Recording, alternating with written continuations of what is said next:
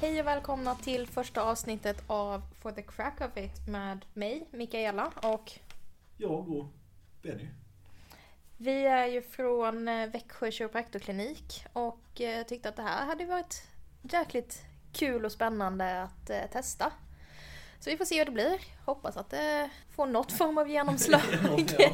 ja, men man har en bild av att man alltid ska ja, prata kan man och att prata om intressanta saker. Men nu får vi se om, Prata kan vi. Om det är Ja. intressant, det vet vi inte. om det är intressant för någon annan. Det är väl det. Vi själva tycker det är väldigt intressant hela tiden. Men om, Gud, ja. om någon annan tycker det, det vet vi inte. Precis. Men eh, vad roligt att ni har lyckats hitta hit i alla fall. Första avsnittet kommer handla om kiropraktik för att det är ju lite det är ju det vi håller på med. Känns ju konstigt om vi skulle prata om något annat än just det vi håller på med kanske. Ja, lite så. Ja, Så vi får väl eh, stick to what you know. ja precis. Annars blir det en kort på. Mm. Så, Vi har ju lite punkter som vi har skrivit upp att vi vill vi, eh, vi vill dra med. Eh, Men vi tänkte väl börja med att presentera oss själva kanske och vad mer än så, berätta hur vi kom in på kiropraktiken. ja, precis. Vill du börja? Ja, det kan jag göra. Eftersom jag är den seniora i verksamheten här. Så ja, jag Så senior. Ja, så senior, precis. Jättesenior. Jag fick ju då min legitimation år 2006. Började på utbildningen till kiropraktor i Stockholm då 2001. Det var trevliga år där faktiskt. Och sen, det, det första minnet jag kommer ihåg när jag såg just det här om kiropraktik överhuvudtaget så var, var från en film på, på 80-talet. Där de nämnde som, alltså, att det fanns någon som jobbade med, med rygg och nacke som liksom fixade någonting som var icke-operativt. Alltså man, man löste någonting utan att skära i dem. Jag, jag tyckte det var så fascinerande. Så jag höll mig liksom uppe i kontakten med det där och letade lite information och så. Det var inte så vanligt i Sverige här. Framförallt inte på om man säger 80 och 90-tal så det är svårt att få reda på det. Det blir bättre sen när internet kommer. om Man ska säga. Så, så, så man kunde börja söka informationen lite mer eh, lättvindigt så. Före och efter Ja, internet för, alltså. precis. Hemskt att erkänna om man är så gammal så det är före och efter internetprat. Så, men, Jag föddes ju under internet. Ja, precis. Jag föddes långt innan internet. Men i alla fall så, det, ja, så var det lite så här fram och tillbaka under gymnasietiden vad man skulle göra. Så, så precis efter jag hade tagit studenten så kom en kusin till mig och frågade om jag inte ville liksom flytta upp till Stockholm och börja studera där uppe. Och då hittade jag skolan som fanns där och så sökte jag in. Jag kommer fortfarande ihåg eh, när man fick svaret att man har tagit sig in. Alltså den där alltså lite pirriga, roliga känslan men också så här, en liten gnutta oro över att kommer jag verkligen klara av det här? Alltså det kändes, det var fem års studier, det var mycket alltså medicin och anatomi och fysiologi. Och när man tittar på det utifrån så känns det ju ibland kanske väldigt avancerat. Mm. Alltså att, kommer det här verkligen att gå? Alltså hur, hur, hur jävligt kommer det vara liksom att försöka klara av? Men sen, sen kommer jag ihåg när vi hade liksom haft den första träffen egentligen. Vi, vi träffades i en, i en sal där alla de 55 elever som var antagna och pratade igenom lite hur upplägget i utbildningen var och vilka kurser vi skulle ha. Och man, man fick en känsla av att ja men här är det. Det är det här vi ska göra. Alltså, sen, Det var klockrent ja, från start. Ja, Liksom. alltså verkligen så som handen i handsken man ska säga. Det ja, a perfect fit. Så det kändes super, super bra redan från första dagen. Mm. Och sen, sen har jag gjort det hela vägen igenom och har väl också haft en sån tur att jag hade väldigt trevliga klass, klasskamrater och sånt där också. Så att man, man, liksom, man synkade bra. Så att man, man kände sig välkommen och man hade roligt tillsammans. Mm. Så vissa tider ibland kändes som att man var nästan på skolan jämt. Även om man egentligen inte hade kanske föreläsningar och sånt. För att, ja, man ville liksom vara i det där som man tyckte så mycket om hela tiden. Och man laborerade med allt ifrån undersökningstekniker till plugg-in för tentor och sånt där och jämförde anteckningar och, och sånt där. Ja, men det är en väldigt härlig gemenskap faktiskt. Mm. Kan faktiskt sakna lite av den tiden. Även om jag trivs väldigt bra med att jobba som jag gör idag så kan man fortfarande sakna lite den, den gemenskapen man hade under den tiden. För det var, ja, det var början på något väldigt spännande och roligt. Men jag tänker att det är väl lite generellt så med utbildningar. Jag trodde det var bara min. Enbart den. Ja. Det bara- Allt annat Nej men det är fullt rimligt. Ja, fullt rimligt. Bennys värld. Ja. Det var så jag kom, kom igång i alla fall. Hur var det för dig då? Ja, jag eh, trillade ju in på ett bananskal på grund av skador själv. Så att jag hade ju eh, en kass rygg som barn. Och gick runt med eh, mer eller mindre kronisk ryggsmärta. Som, ja, men från att jag var tio hoppade runt till lite olika ställen i vården och lite olika terapeuter och inget hjälpte. Och sen så någon gång när jag var runt 14 tror jag det var. Så fick jag hjälp av en kiropraktor som det faktiskt blev tydligt och jag fick en förklaringsmodell som kändes rimlig. Som jag kunde följa med i, i förklaringen liksom. Och fick hjälp. Och det var väl där som mitt sår född... Ditt, ditt sår föddes?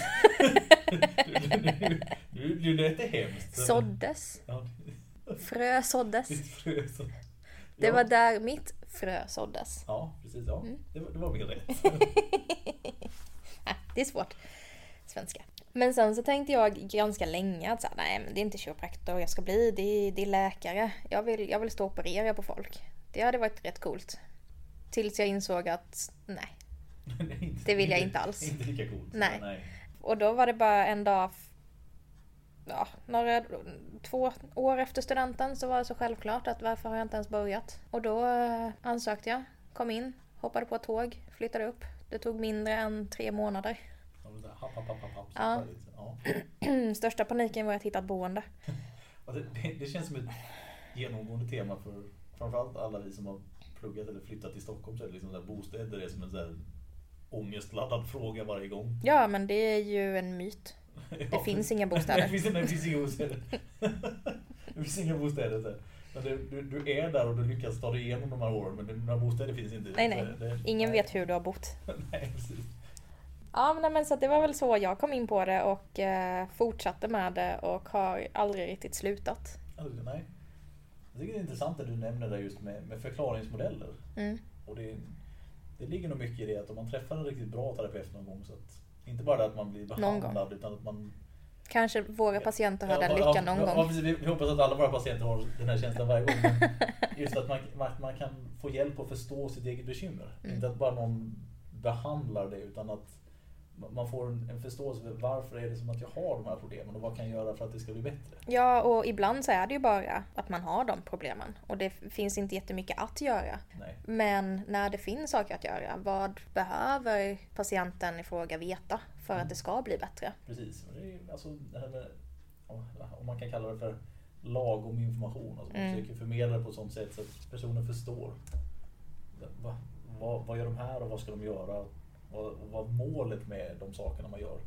Kanske inte bara att man får ett papper i handen om vad de här sakerna ska göra utan man förstår tanken bakom att ja, men de här gör vi för att det ska bli så här och så här. Mm. Och så, så jobbar vidare. Så att, ja, bra, bra poäng där.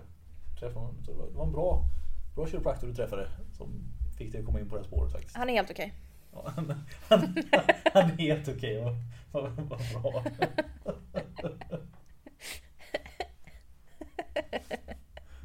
Men det var väl lite, lite så vi, vi trillade in på, på spåret så att säga. Eh, Men vad är, eh, vad är kiropraktik för, för oss då? Det kan man väl kanske stapla upp på lite olika sätt. Ja. Jag tycker det är en ganska komplex frå- fråga nämligen. Ja, det är det ju. Lite beroende på hur pass ingående man ska låta sitt svar vara egentligen. Mm. Alltså, det, om, du kan ju ha dels aspekten av att man tittar på det rent biomekaniskt som vi gör i våran värld. Alltså hur ser funktionen ut? Mm. Vad är det man jobbar med? Vad vill man förbättra? Och sådär. Typ exakt, var rör det sig och var rör det sig inte? Ja, där, där har man liksom så här kärnfråga Mm. på något vis. Att vad, vad rör det sig och vad rör det sig inte? Eller vad, vad är det för försämrad rörlighet och vad är det inte? Och även åt andra aspekter, vad är det för mycket rörlighet och vad är det inte? Alltså, funktion handlar ju om... I vår värld så pratas det mycket om vad funktionen är försämrad. Men ibland kan det också vara att man har en, en ökad rörlighet som också ger, ger problem egentligen. Mm. Men liksom, hur beskriver man kiropraktik som bäst? I grund och botten så har vi, jag tror att vi båda två har ett, ett behov av att försöka hjälpa människor som har det lite svårt på ett Mm. eller annat sätt. Och jag själv är det just både det som är komplext och enkelt i samma gång. Att vad man, det rör sig om biomekanik och, och matte egentligen. Alltså man, man räknar ut hur, hur en kropp bör fungera. Och sen ska man då försöka hitta de sätten som man, man får den att bli så pass bra som den bara kan bli. Mm. Och sen om det är genom direkta behandlingsmetoder, som, som det ofta blir, att man knaka och braka som de säger det. Eller ibland kanske till och med bara är ren rådgivning för att man, man måste ändra på lite saker och, och personen i fråga behöver ändra sitt liv, om man nu ska säga så, så drastiskt. Här.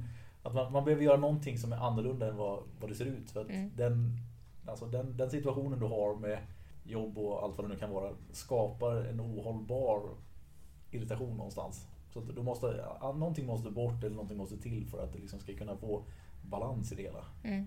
Eh, Flummigt nog eller? Väldigt flummigt. Väldigt flummigt. Ehm, jag däremot vill bara vara en superhjälte. Var, alltså, ja, precis. Pure and simple superhjälte hela Mhm. tiden. Ja. Wonder Woman, here I am. Mm. Okej, ja. Nej men, det, det är lite så här, som du säger, det är så fruktansvärt komplext. Och det är svårt att stapla upp exakt vad det är i en mening. Mm. För det är allt ifrån prehab eller eh, förebyggande eller kunskap eller hur- vad man nu vill, hur, hur man nu vill lägga upp det som. Eh, Mm. Vad behöver min patient för att må bra på sikt? Vad behöver den här kroppen eller patienten just nu i sitt smärttillstånd? Mm. Och vad behöver den här patienten eh, för att komma tillbaka på bästa möjliga sätt? Och det är då rehabbiten och, och, och ytterligare kunskap om förklaringsmodeller och, och allt det där tråkiga. Andra tråkiga. Men sen är det ju också djupdykningarna i när man har ett problem framför sig. Man har en, en patient som har diffusa besvär. Det är inte det klassiska ryggskottet. Det högg när jag drog ett marklyft. ja, precis. Ehm, utan det är någonting mer och man får börja djupdyka i vad är det som påverkar, vad är det som har lett till det här? Är det stress? Är det någonting som patienten gör dagligen men inte tänker på? Är det kosthållning? Är det träning? Är det nå- alltså vad är det som under ytan orsakar besvären till att vara återkommande? Och då blir det ju snarare ett detek- detektivarbete. Ja, det är sant. Och det, det, jag tror det är det som gör att man fortsätter också. Alltså, saker och ting kan ju bli inom vilka yrke som helst ganska så repetitiva. Att det är samma saker man springer på och man Mm. jobbar på ungefär samma sätt. Men det är de här kanske allra krångligaste fallen när man nästan sitter och så här, svär lite grann efter att patienten var där. För att det, det är så mycket konstiga diffusa saker som man har svårt att dra paralleller. Det, det är de som gör att man, att man vill utvecklas och man vill mer. Alltså Mm. man vill hitta lösningen. Alltså det är just att lösningen, vad, vad, vad är det här? Varför blir det så här? Mm. Och det, jag tror det är det som driver att man hela tiden vill bli bättre på sitt yrke också. Den här ständiga, ja, som du säger, detektivarbetet där. Så vad, vad är det som har hänt och varför har det blivit så? Och hur kan vi ändra på det? Och hur ska vi få med patienten i fråga på att göra det här som vi hade kanske tänkt oss att man ska göra? Alla de här olika delarna finns ju med. Och det går in i lite både hur, hur, hur man lär sig att ställa sina frågor alltså så och vad man ska lyfta efter. För det, ibland är det inte bara direkta svar utan det är hur svaret levereras. Och, och så gärna mycket kringinformation många gånger. Alltså när man pratar med patienten, man kanske inte frågar, även om du frågar alltså, vad har du ont någonstans och sådär, givetvis standardfrågor men när man bara pratar med patienten om hur deras liv ser ut så kan man få ganska mycket information som när man bara hör en sak så kan den kännas oviktig men i sammanhanget så kanske den blir ack så mycket viktigare istället. På det stora hela. Ja, precis.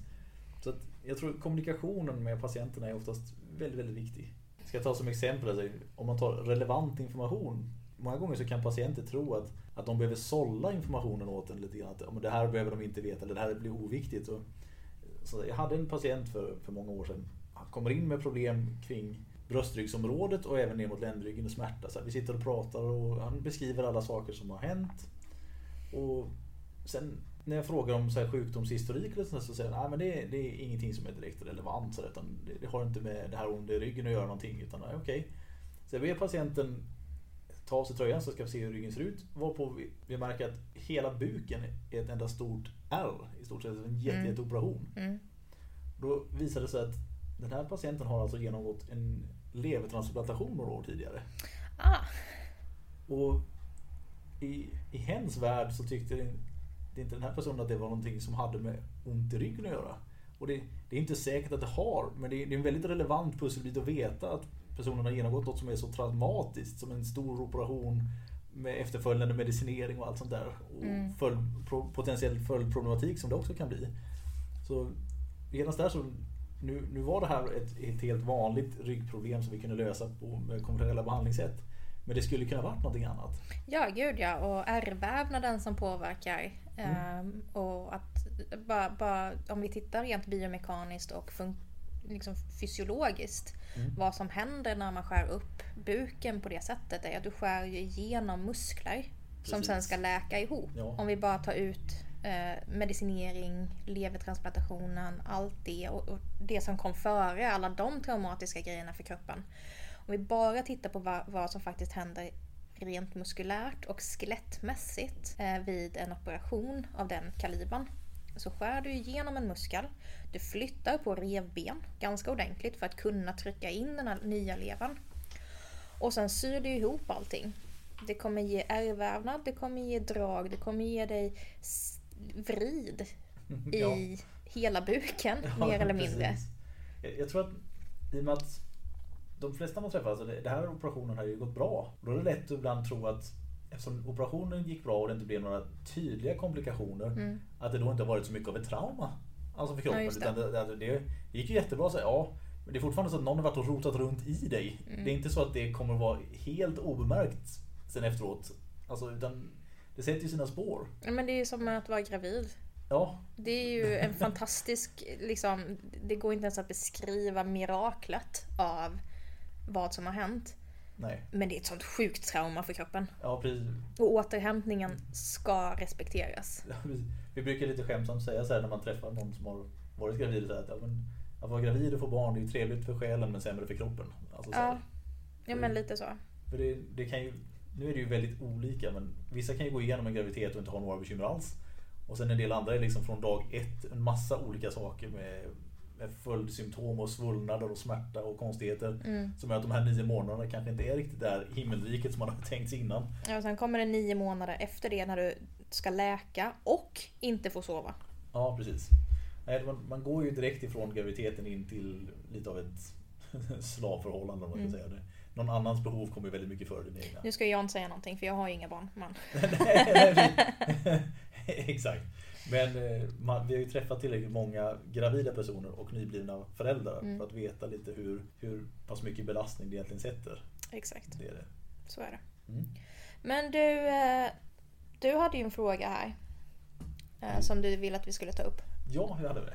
Alltså, det är egentligen lite samma ämne. Så här. Vi, vi pratade lite grann nu om vad du och jag alltså, anser att kiropraktik är. Mm. Vi, vi ska också utifrån våra egna erfarenheter och, och patienter med, vad, vad tror gemene man egentligen att vi gör?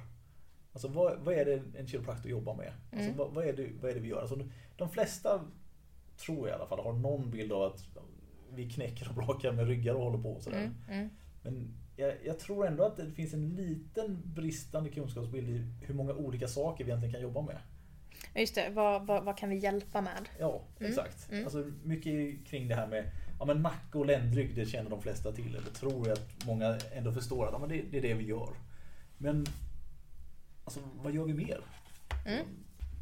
Nu kör du fast. Nej, det körde du fast. Vi gör jättemycket mer.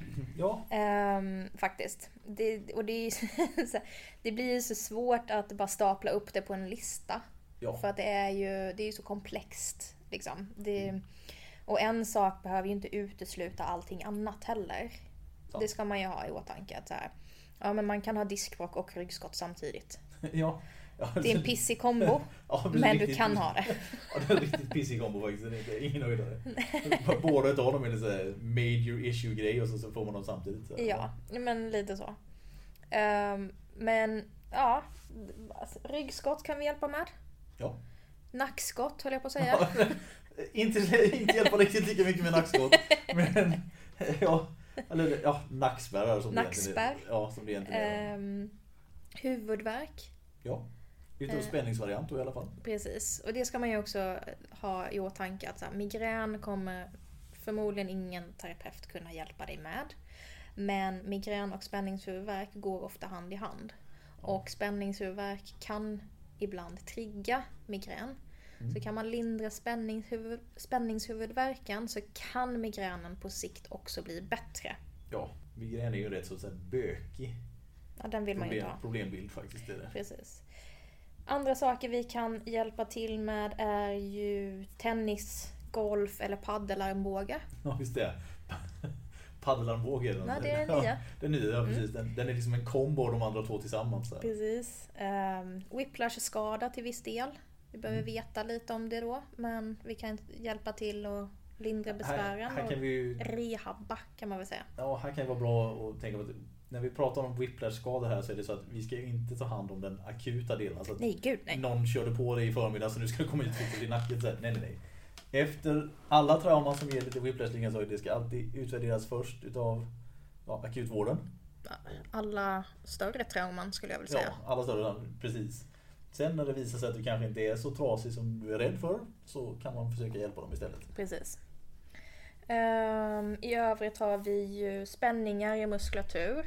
Vi har smärta och värk i leder och muskler också. Jajamän. Vi har musarm. är ju en klassiker på kontoret. Jajamän. Eh, domningar och stickningar i armar och ben Mm. kan vi eventuellt hjälpa till.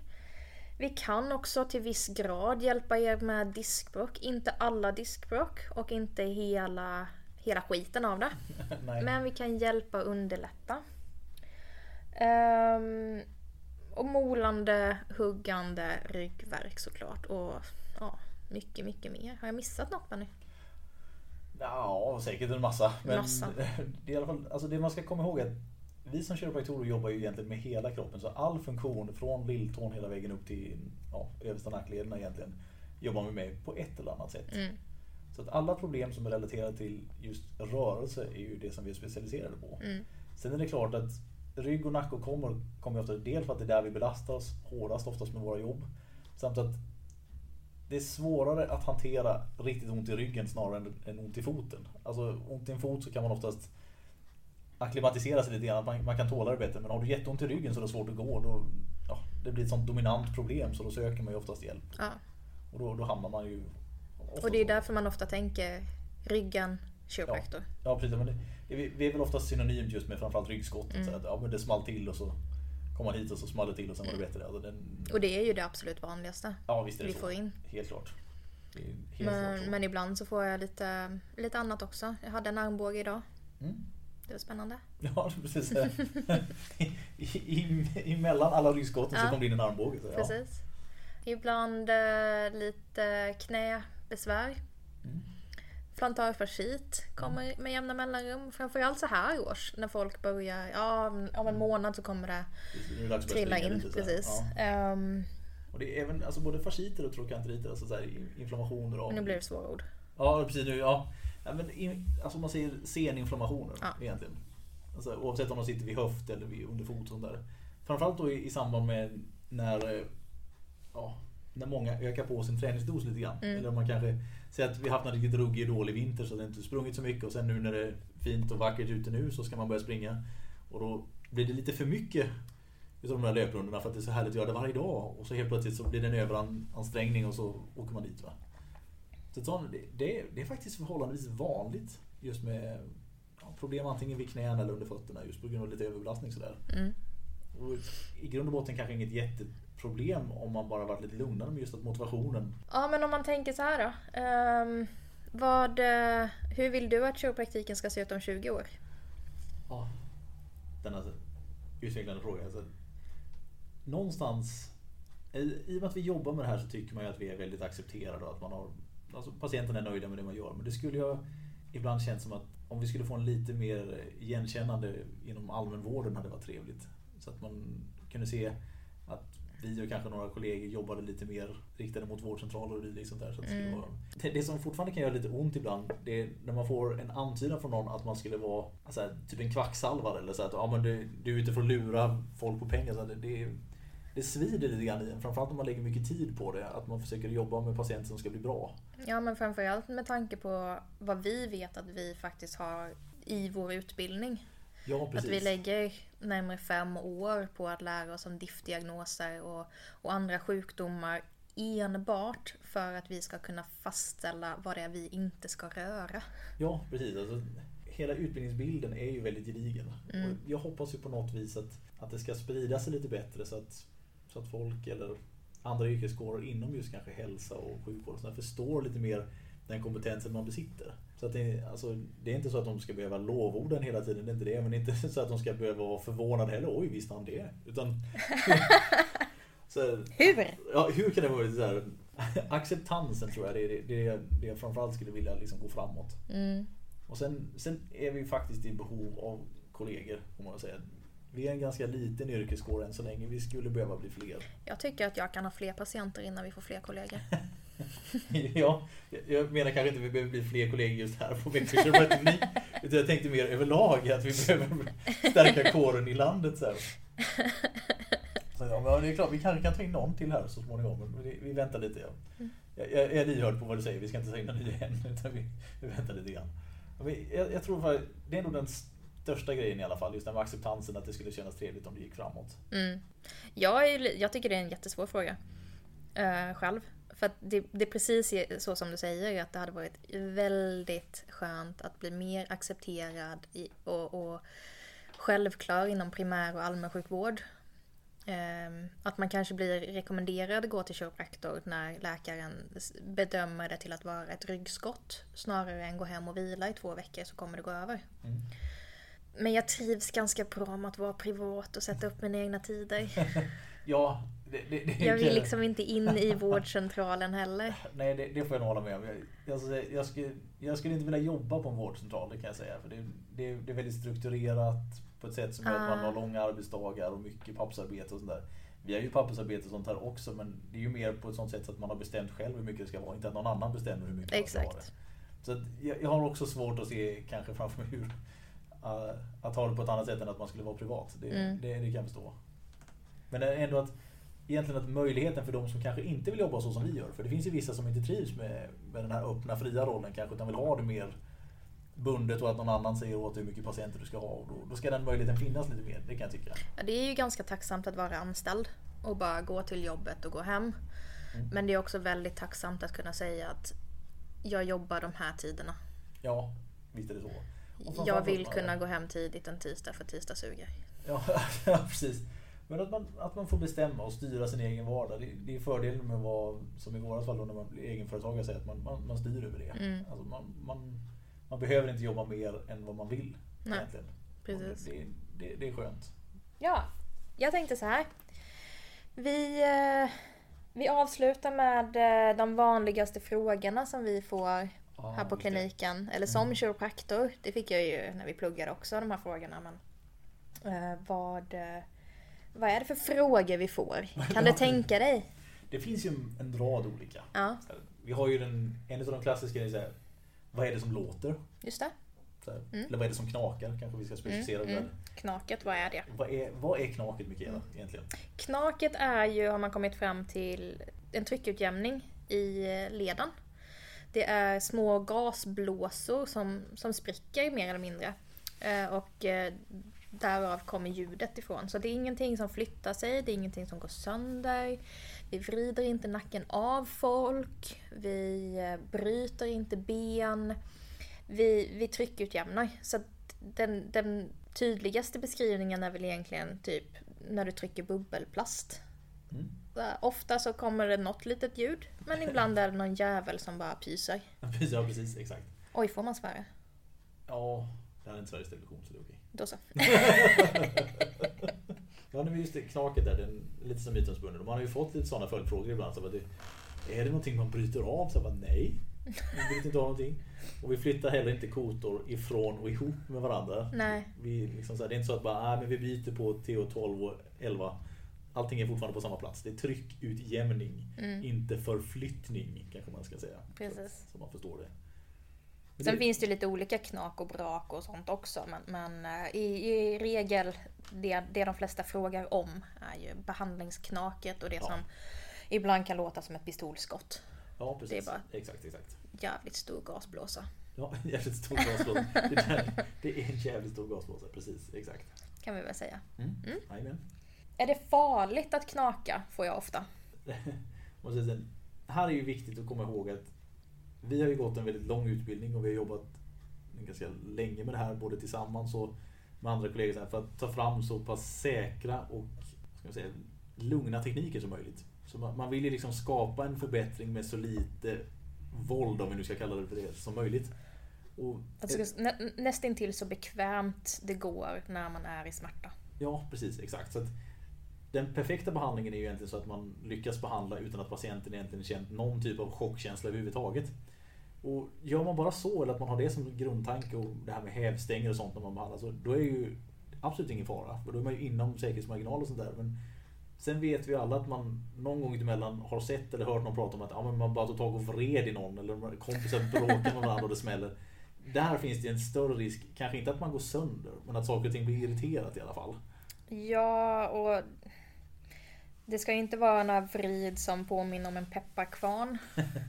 Nej. Exakt. Eller få tankarna att gå till en disktrasa. Precis. Um, sen tror jag att de flesta som ställer frågan frågar nog ur personliga skäl hemifrån. Alltså så här, jag brukar knaka ibland. Och när jag, eller, när jag vaknar på morgonen så vrider jag eh, över benet över det andra och så knakar det hela ländryggen. Är det farligt? Ja, det. Och jag skulle personligen så säger jag nej. Nej. Så och det- länge du inte får ont av det. Precis. Och det, jag brukar också säga så att om det inte kräver att du tar en alldeles för extrem position. Eller att du precis när själva, om man säger när det ska knaka till, om du måste ta i för mycket. de- situationerna ska man försöka undvika. Precis, man behöver ju inte knaka när du behöver ta sats för att Mm. knaka. Nej precis, utan då, för då, då ska man nog låta det vara. Mm. Däremot om det bara kommer av att du liksom rör dig lite på morgonen och att det poppar på ett par ställen. Mm. Då ser det nästan så hur, hur skulle du låta bli? Det är inte så att du kan ligga i sängen resten av dagen för att du är rädd att det ska knaka lite när du kliver upp. Det, det går ju inte det heller. Så, att, så länge man inte gör det extremt så är det ju ingenting som är farligt. Nej. Definitivt inte. Precis. Lagom är bäst kan man väl säga. Ja, svenska modellen. Så Ja. Lagom är bäst. All right. Det finns en fråga till. Kan vi gissa? ja, vi, vi har ju den mest den mest ställda frågan av dem alla som faktiskt inte har någonting med behandling eller så här att göra alls utan det är bara Vad är det för skillnad på en kiropraktor och en naprapat? Exakt. Frågan kommer varje dag. Ja, ja precis. I stort sett dagligen får man svara på den här. Dagligen. Och det är jätteroligt att man ställer frågan. Men därför känner vi också att vi måste förklara den nu. Det, Ja, det går ju precis. inte att inte ha den med. Nej. Och det mest uppenbara skillnaden av dem alla som är så otroligt tydlig är att det stavas ju olika. Ja, gud ja. Ja, så det, den är den stora, stora skillnaden. Mm. är att vi har olika stavning på våra yrkeskoder. Så vi kommer ihåg det. Det är inget K i naprapat. Och det är inget N i kiropraktor. Så bara där har vi jätteskillnad. Jajamän.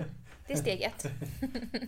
Sen, sen har vi, om man li, lite, lite mer seriöst istället tänker på att ser man till utbildningsmässigt så har vi i grundutbildning så läser vi kiropraktorer oftast ett år längre innan vi går ut på vår AT-tjänstgöring. För både kiropraktorer och naprapater har AT-tjänstgöring som ska göras innan legitimationen så där är det ganska likt. Men vi läser ett år längre i alla fall.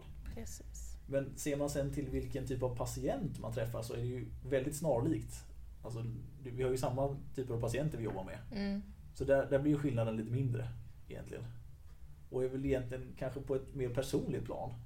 Alltså när man väl är utbildad, hur, hur pass mycket mer vill man lära sig? Hur pass mycket mer vill man bli? Ja, gud ja. Och så är det ju för alla terapeuter. Alltså, Ja. vil, vilken terapeut du än tittar på så är det väl det mest intressanta är ett, hur bra, bra trivs du med den här person, personen? Person, personkemin ska funka. För att om du inte litar på personen kom, eller terapeuten kommer det inte bli en bra behandling. Nej, Steg ett. det är steget. Ja. Steg två, hur kunskapshungrig är terapeuten? Hur mycket är han eller hon villig att utbilda sig och ta reda på och gå vidare i sitt, ehm, sitt yrke? Mm. Och det, den, det är en fundamental grej egentligen för alla terapeuter. Att är man nöjd med det man har lärt sig för 15 år sedan, Ja. i mitt fall, då, då blir det ganska mycket stiltje det du gör. Sen har man väl också den aspekten att om du lyssnar på det här och funderar på att bli kiropraktor eller naprapat, du vet inte riktigt. Ja men det är klart att vi, vi som kiropraktorer kommer ju förespråka kiropraktiken. Men det är upp till dig vad du känner för. Men jag tror att det kan vara bra att också tänka på att om du vill jobba utanför Norden så kommer det bli svårt som naprapat. Mm. För att det är inte lika stort och lika vedertaget runt om i världen som det är här i Norden med Nej. naprapati. Ehm, ja, nej men det är väl det som är den stora den största skillnaden kan man väl Ja, säga. Största skillnaden. På den vanligaste frågan. På den vanligaste frågan. Av vanliga frågor. Ja, precis. Som vanliga frågor. Ja, vad skönt. Men du eh, Benny, ska vi säga att vi är eh, nöjda där eller? Med första avsnittet av For the crack of it. Ja, precis. Ja, Det är vi- lite töntigt att vi har ett engelskt namn när vi pratar svenska. Småländska dessutom. Ja, det, för knakets skull. ska För det knakets skull. för knakets skull så det var istället. Ja, vi, vi har i alla fall kommit igenom alla våra punkter som vi tänkte oss Ja. för dagen. Tror jag i alla fall. Jag tror inte vi har hoppat över någon utan vi tog nog allihop i alla fall. Ja, jag tycker att vi fick, eh, fick med det mesta. Mm. Jag tänker att vi avslutar där och eh, så får vi se vad som händer i nästa avsnitt. Ja. Helt enkelt. Eh, vill man följa oss eh, eller ta kontakt med oss så kan man göra det på sociala medier. Det är att Växjö kiropraktorklinik. Eller min Instagram, kiropraktormickis. Och Bennys En kirobempa. kirobempa. Det är precis som det låter. Så, ja, Ha en fortsatt trevlig vecka och så eh, hörs vi. det gör vi. Kör då. Kör då!